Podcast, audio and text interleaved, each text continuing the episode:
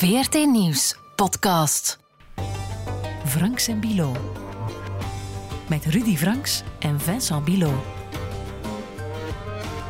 Welkom op onze maandelijkse afspraak, zeg ik hier meestal. Maar we gaan het tempo een beetje optrekken, hè Rudy?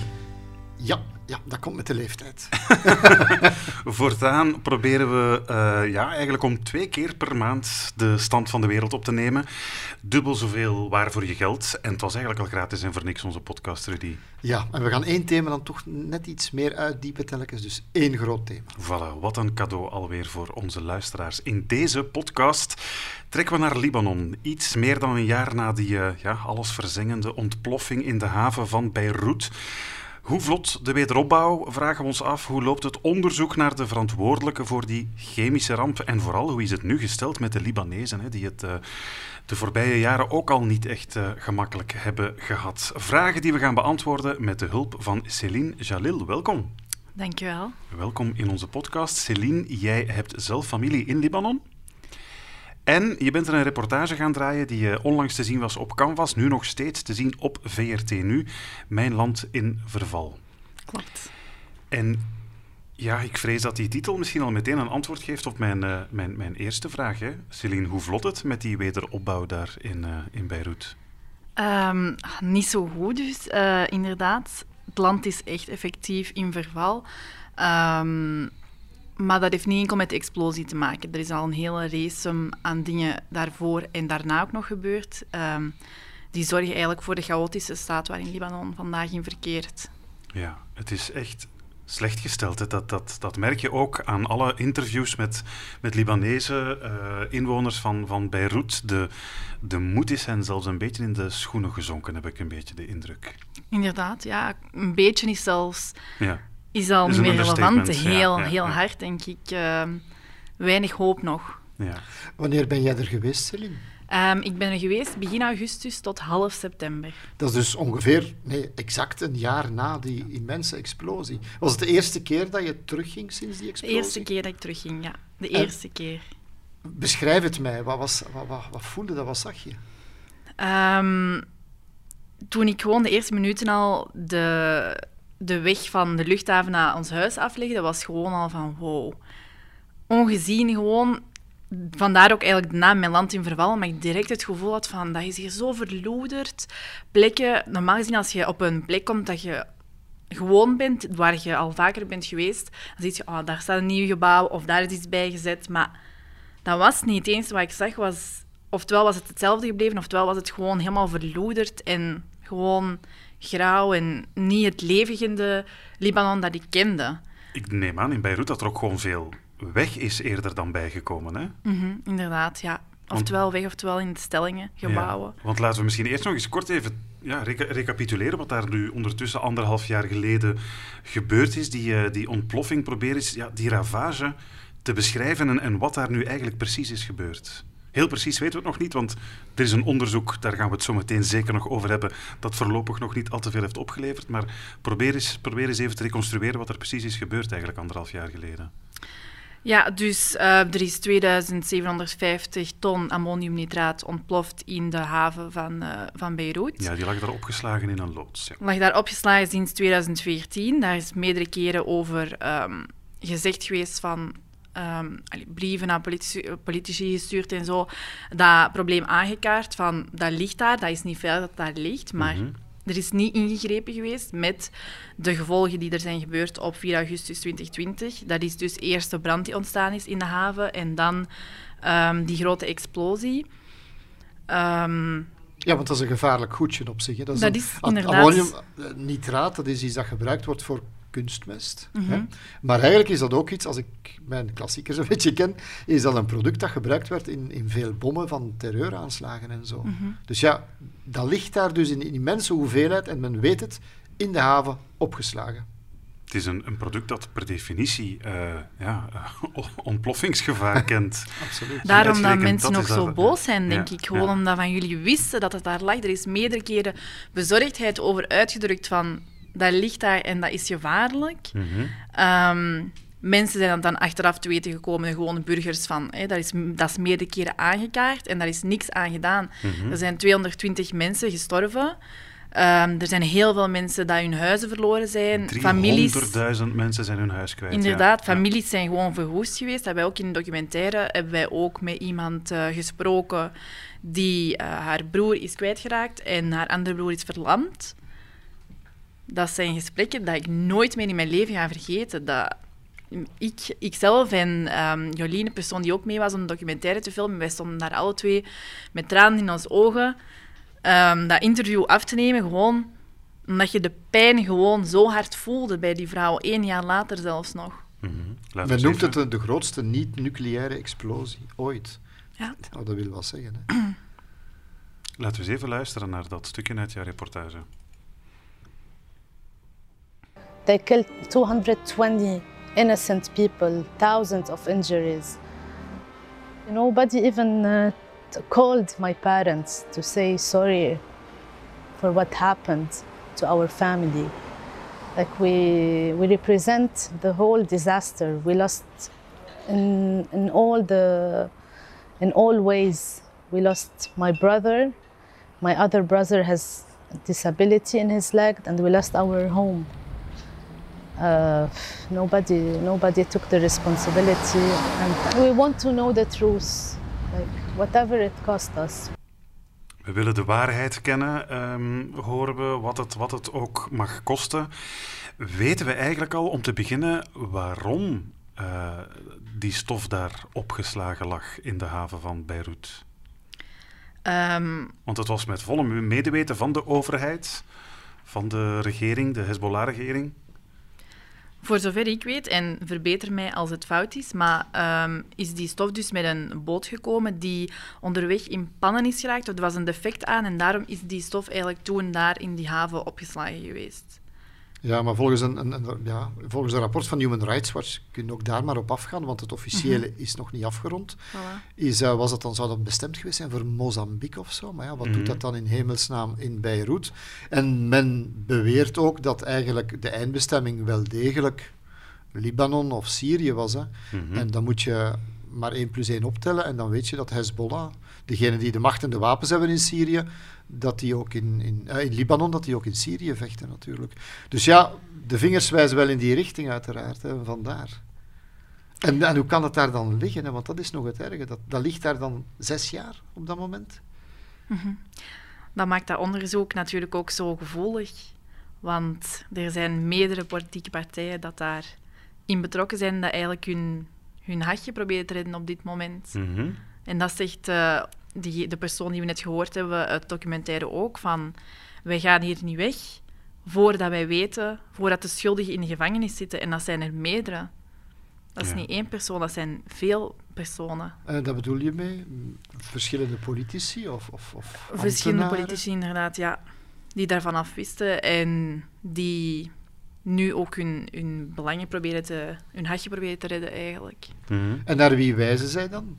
Als je zo met de, die Libanezen praat die, die kritisch zijn. Zij wijzen naar verschillende politici. De exacte naam nu. nee. ehm, maar ja, die, de rechters worden steeds afgezet of worden steeds beschuldigd van dat ze biased zijn, dat ze niet, dat ze niet eh, neutraal zijn daartegenover. Telkens als er een politici beschuldigd wordt van, ehm, van dat, ze, dat ze eigenlijk ervoor wisten. Maar ja, Ja, ja, dus, dus heel veel druk op hen. Ja. Dat is een interessante figuur trouwens die, die, we, die daar nu mee begaan is. Dat is eh, rechter Tarek Bitar. Hè, dat is zo de laatste. En het schijnt dat er in, in de straten van Beirut affiches hangen met... eh, rechter Bitar gaat ons gerechtigheid brengen en zo. Echt, echt wel om hem te steunen. Want Hezbollah heeft hem blijkbaar met de dood bedreigd. Een hoge Hezbollah-functionaris. Mhm. Van, dus de waarheid mag misschien niet bovenkomen daar. Nee, ik denk dat dat inderdaad wel heel duidelijk is dat niemand wil dat de waarheid bovenkomt. Ja, kunnen we daaruit niet voornamelijk besluiten dat alvast Hezbollah dan toch wel boter op het hoofd heeft? Anders zouden ze die rechter niet bedreigen, denk ik.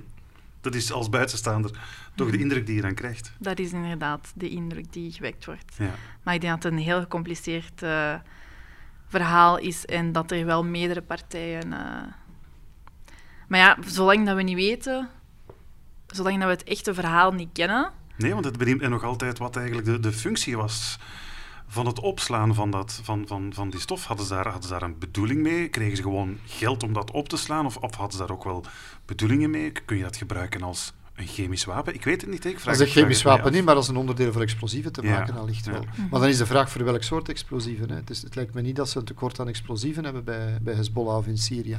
Maar misschien is dat, kan dat gebruikt worden voor, voor bommen te maken.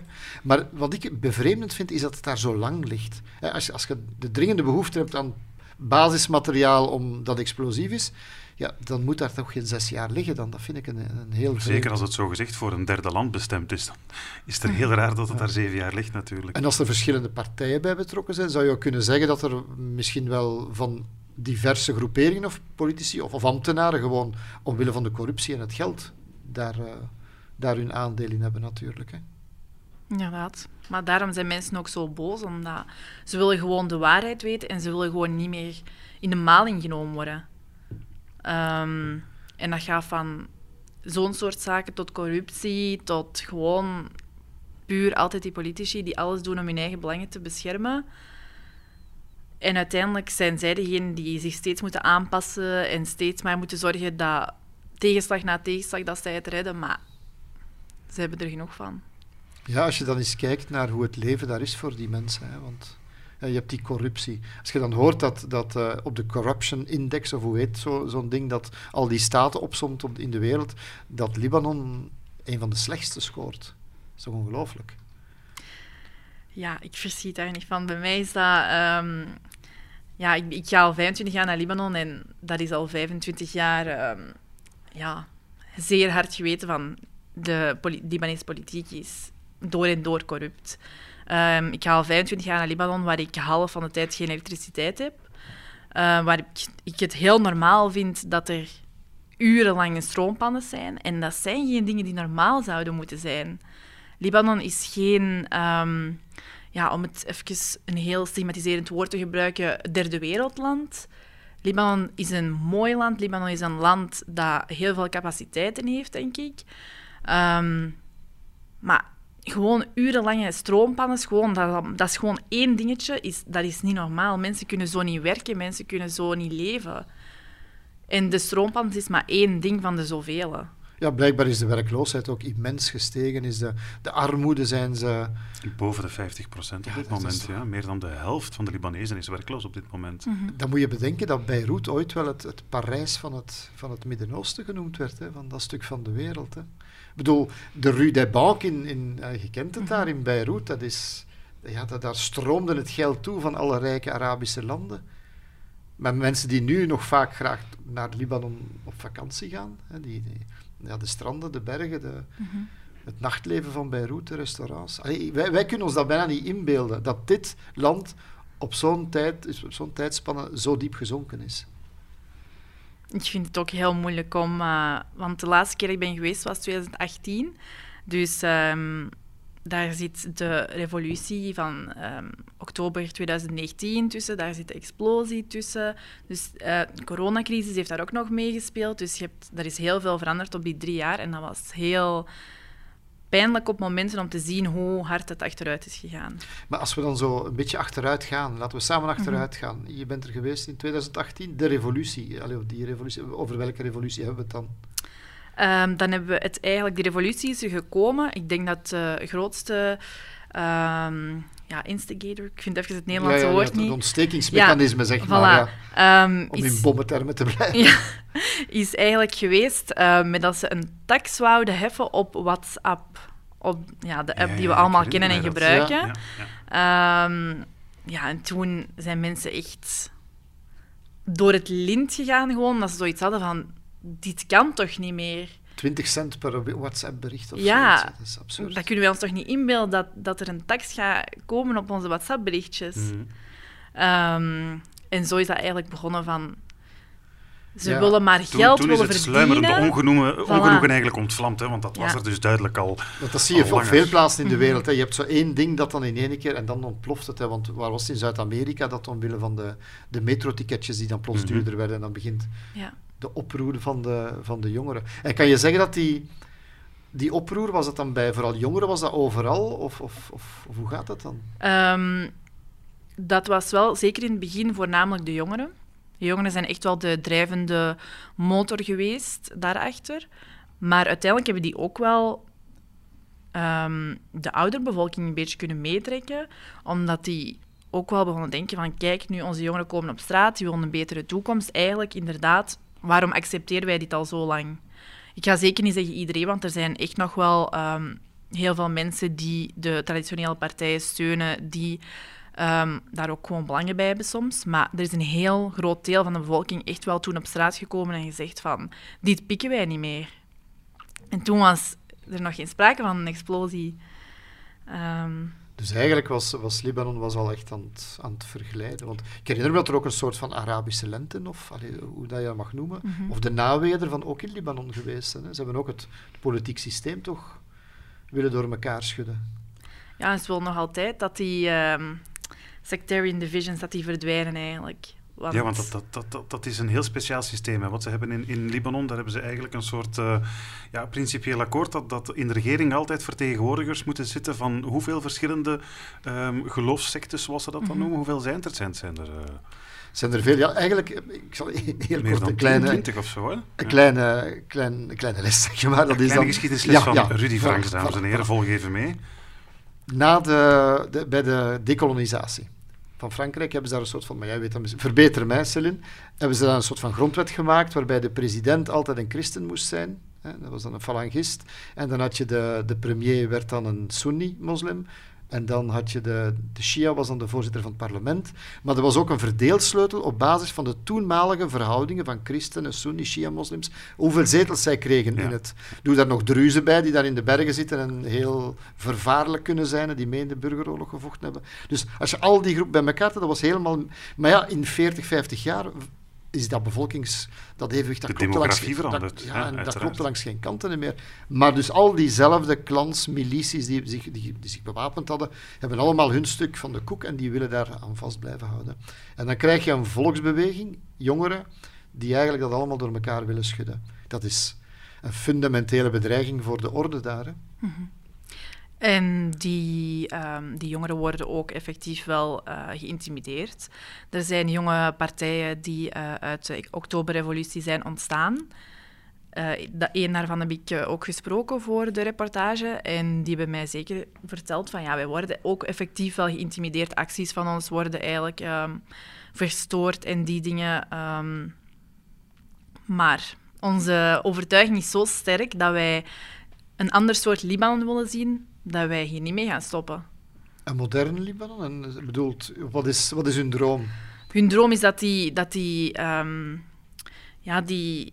Sorry, ik vind het Nederlandse woord even niet. Sectarian divisions, dat die, dat die verdwijnen eigenlijk. Dat die...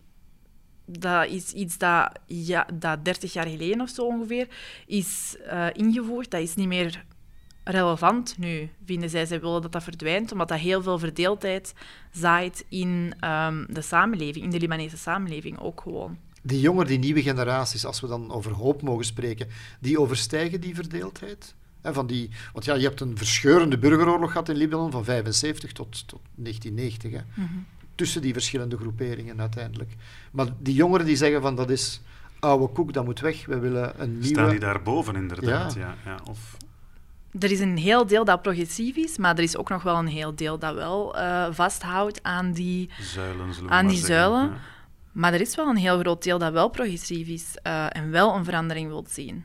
Maar dat is ook nooit... Wat heeft, ehm, wat heeft dan volgens jou het grootste draagvlak op dit moment in, eh, in Libanon? De, de progressieven die, die af willen van dat, eh, van dat sectarische systeem? Of, ehm, of toch nog de, de traditionalisten die het willen houden zoals het is? Wat, wat, wat haalt de bovenhand, denk je? Naar mijn gevoel is het echt wel dat er een progressieve beweging is. Ja. Maar En dat is niet alleen bij de jongeren, maar vooral waarschijnlijk wel bij de vooral jongeren. bij de jongeren. Ja. En die ouderen, hè, laten we zeggen, de oude sassas, die, die houden zich vast aan de macht. De Rudy Frankse van Libanon. Ja, ja. Maar, maar sommigen denken verlicht. hè. Indignez-vous, hè, Vincent. Nee, maar die, houden zich, die klampen zich vast aan de macht, maar die hebben dan de wapens. Die, zijn, die, die controleren de ministeries, het leger en, en, en al dat soort dingen. En verdelen de postjes onder elkaar. Telkens opnieuw. Ja. Omdat de grondwet het ook zo wil.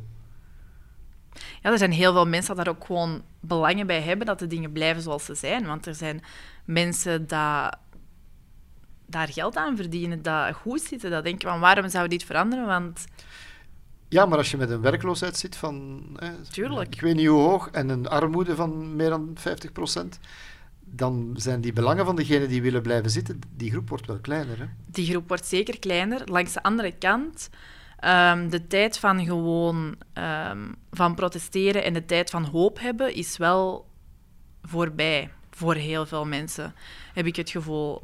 Ehm, er, zijn, er is nog een heel deel dat wel echt doorzet, dat hoop heeft. Maar er is ook een heel deel dat zegt, dit is genoeg, we zoeken naar een oplossing. En er is een massale exodus aan de gang. Dat hebben we vooral gezien toen ik daar was. Dat was het einde van de zomer. Ehm, begin september ook nog. Nu zal het misschien iets minder zijn, omdat toen het nieuwe schooljaar begon. Maar heel veel families zijn toen eh, naar het buitenland getrokken. Als die de kans kregen, zijn ze ervoor gegaan. Wel, die moedeloosheid, zoals ik het jou hoor beschrijven, dat is eigenlijk ook wat uh, uh, Leila Aldekmak ons heeft verteld. Een ex-collega bij, bij, Radio, bij Radio 1, die ook familie heeft in Libanon.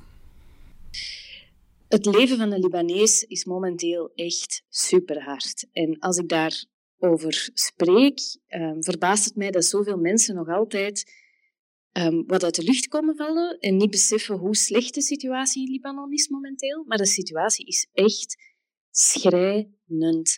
En momenteel zijn de Libanezen vooral bezig met overleven.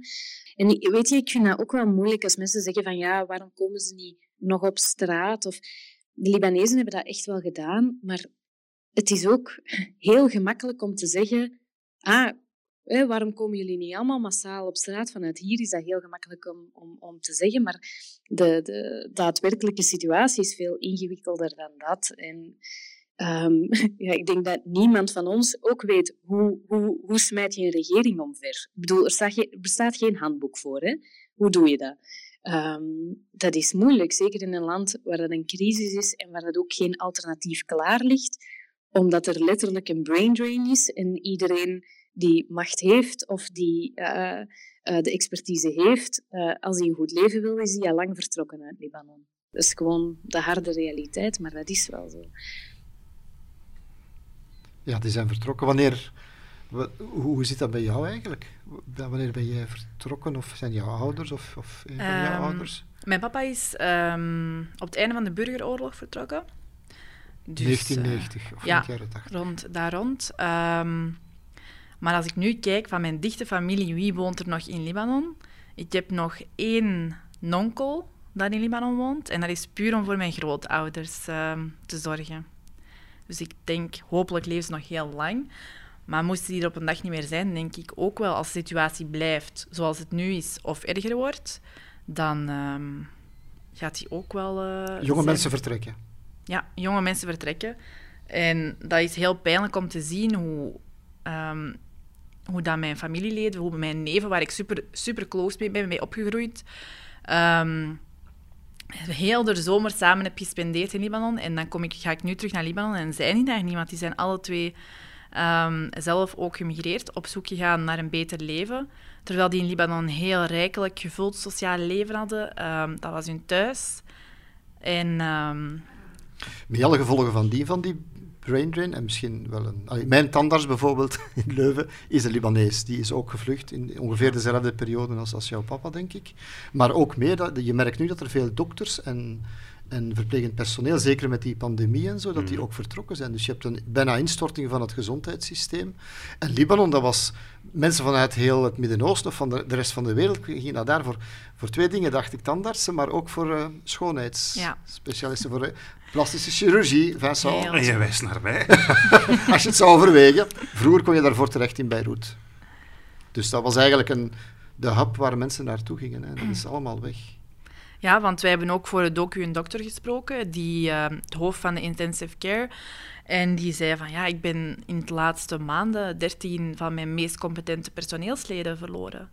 Hoe, hoe houd je je unit dra draaiende, vraag ik mij dan af. En um, grappig feitje, Allee, ja, eigenlijk niet zo grappig, maar ik had hem een link gestuurd en gezegd van kijk, uh, we hebben de documentaire afgemaakt, hier kunt je het bekijken. Um, ik had enkel zijn e-mailadres van... van het ziekenhuis, van zijn professioneel e-mailadres. En ehm, ik kreeg een, een melding terug van Google dat het e-mailadres niet meer binnen gebruik was. Dus ook hij niet meer. Dus ik denk eh, dat hij ook uh, de beslissing heeft gemaakt om weg te Nee, gaan. in Libanon spreken ze ook Frans. hè. Si tous les dégoûtés s'en vont, il y a que les dégoûtants qui restent. Dus een land waar alleen nog maar de militiebazen blijven. Ja. Dat is toch erg, hè? Ja. Uiteindelijk gaat inderdaad alleen nog de regering overblijven. Ja, met ja maar wat, wat we toch niet mogen uit het oog verliezen, is, is ook die latente dreiging. Libanon zit daar wel eigenlijk in. Dat is, een, dat is het, het centrum in een kruidvat. Hè. Al die breuklijnen van het Midden-Oosten, alle tegenstellingen hè, van christenen, moslims, Sunni tegen Shia, Ja. allee, dat zit er Israël. allemaal bij elkaar. Hè. Israël aan de zuidgrens. 2006 is er nog een oorlog geweest met Israël, een maand lang bombardementen. Dus ja. En de vrees, Palestijnse vluchtelingen. Ja, dat is iets dat, we, dat eigenlijk vaak vergeten wordt. Maar ze hebben toen een miljoen Palestijnen, Palestijnse vluchtelingen 30, 40 jaar geleden gekregen. En nu zijn daar hoeveel Syriërs Syrië is bovenop ook heel veel. Ja. Ja. ja. Libanon valt, vangt inderdaad superveel eh vluchtelingen op. Ik geloof een, eh 4 miljoen inwoners, 1 miljoen Syriërs op dit moment in, eh, in Libanon. Hè? Dat is Ja, en- en, onwaarschijnlijk. tel daar nog de Palestijnen bij en zo. En je hebt eigenlijk een, een minimaal. En zelfs die willen intussen eigenlijk weg. Ja, Ja. Niet iedereen natuurlijk, maar het is een deel van vluchtelingen van Syriërs bijvoorbeeld dat teruggekeerd zijn naar Syrië. Want die zeggen, in Syrië is het beter. Ja. Ja, dat is toch, dat is toch ongelooflijk. van. En weet je wat, wat mij altijd ook opvalt, is de vrees, als je met mensen van, van Ginder praat, of dat is die altijd komt bovendrijven, is er angst voor een nieuwe burgeroorlog. Hè? Tussen 75 en 90, 250.000 doden, een miljoen mensen op de vlucht vanuit Libanon zelf. Ja, uw, uw papa is ook vertrokken daarom, Mhm. allicht. Die angst bestaat die? Wat zegt uw vader erover bijvoorbeeld? Ehm, Want hij heeft het meegemaakt, hè? ja, mijn papa is toen in de tijd vertrokken omdat hij zag dat er geen kansen waren op dat moment. Ehm, die dreiging is wel iets dat leeft.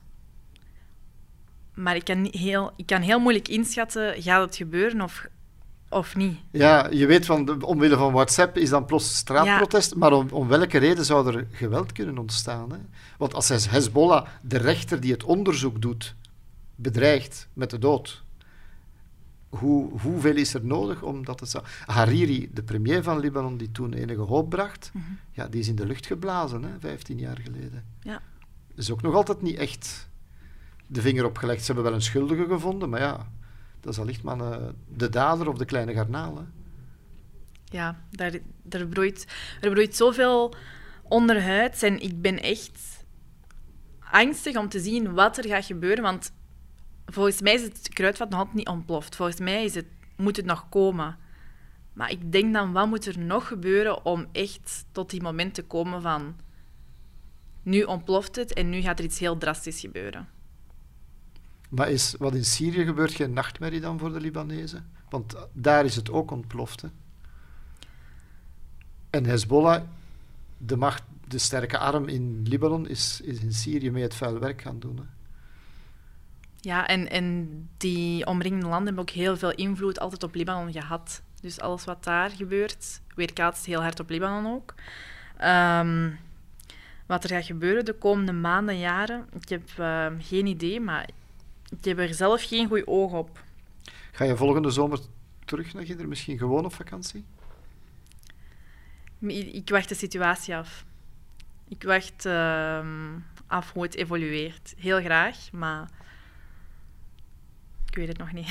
Ik ben op zoek naar een klein beetje een silver lining om, Ja. dit, om dit onderwerp af te sluiten, Celine. Je, je maakt het niet gemakkelijk, want het is, het is echt een, een bedroevend verhaal. Maar Beirut is Wat- een fantastische stad. ja, ja dat, dat, dat is sowieso. echt een Maar wat, wat, denk, je- wat denk jij zou er op zijn minst nog moeten gebeuren om, om, om ja, Libanon uit dit moeras een beetje te trekken?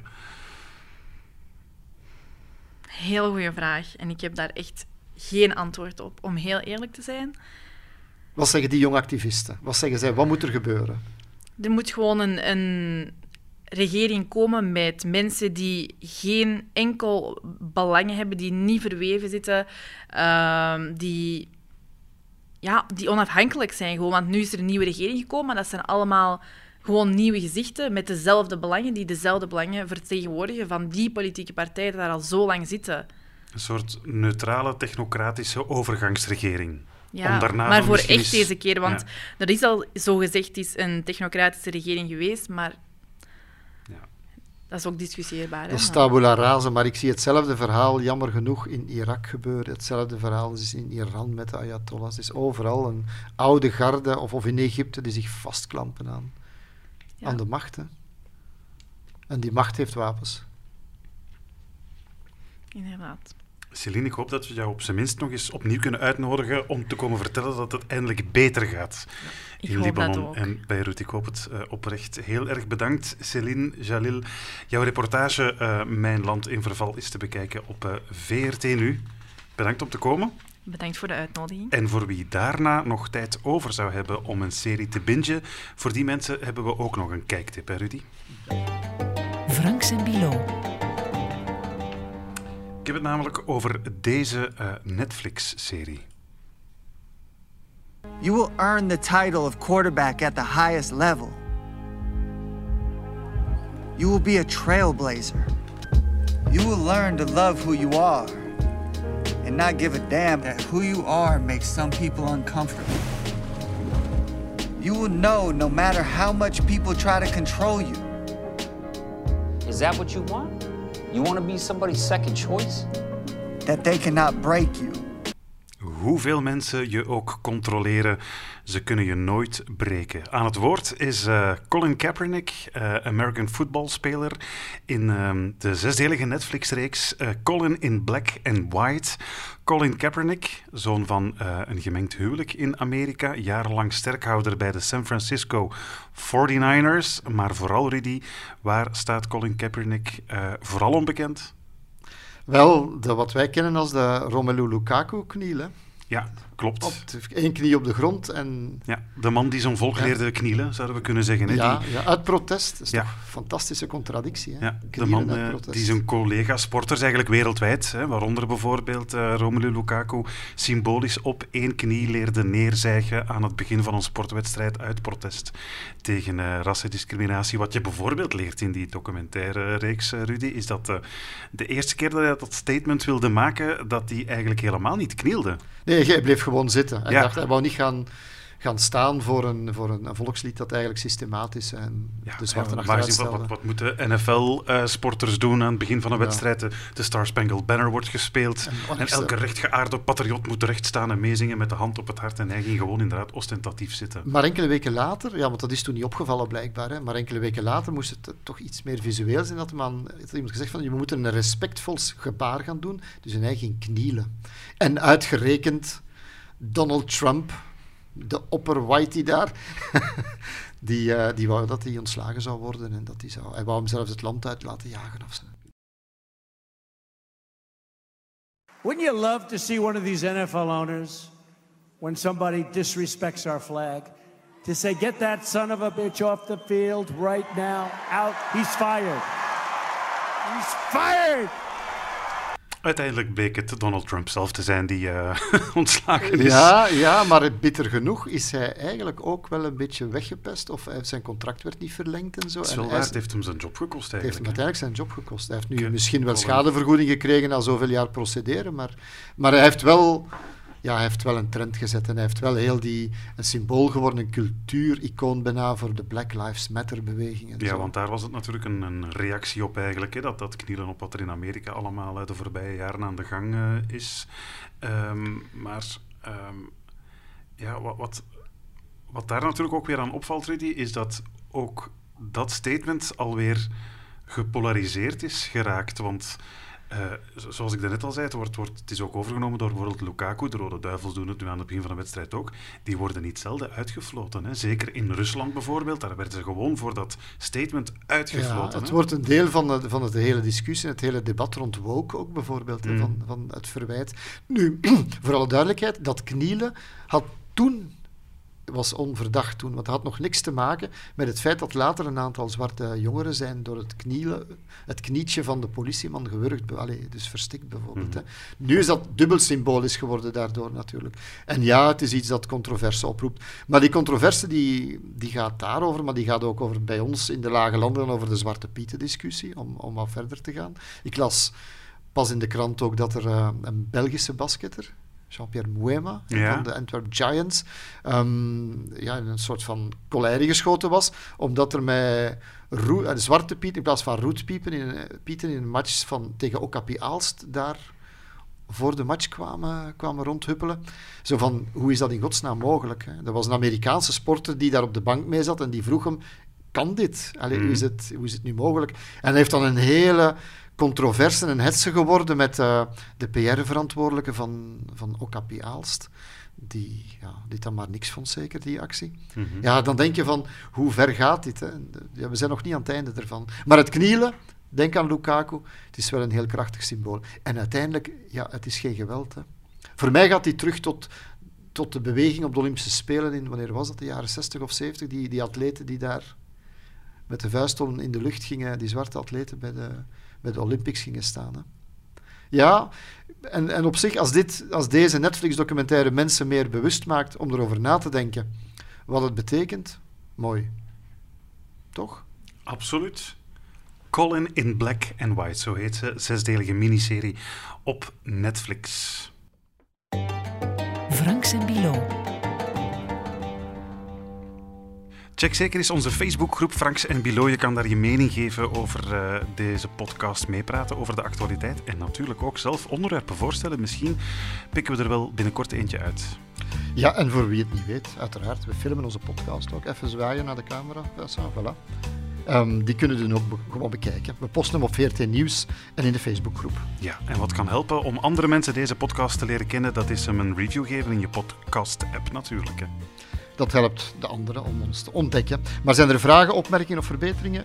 vb.vrt.be Dan rest ons alleen nog om uh, enkele mensen te bedanken, Rudy. Mag ik het zeggen? Céline Jalil, onze nomade die in Libanon geweest is. Fijn dat je er hierbij waart. En de, de nomade-reportage Mijn Land in Verval, die je in Libanon gemaakt hebt, die kun je bekijken op 14 nu. Nog altijd. De research, Rudy, die is gebeurd door... Hanna El Hadji. Eindredactie Vincent Merks en de presentatie was in handen van... Uh... Franks en Bilo. Klopt, ja. Bedankt voor het luisteren en over twee weken al. Dat, uh, dan zijn we er al opnieuw met nieuwe Ja, we geven niet op. Nee. Salut. Dit was een podcast van VRT Nieuws. Je vindt er meer op de podcastpagina van vrtnieuws.be of via de podcast-app op je smartphone.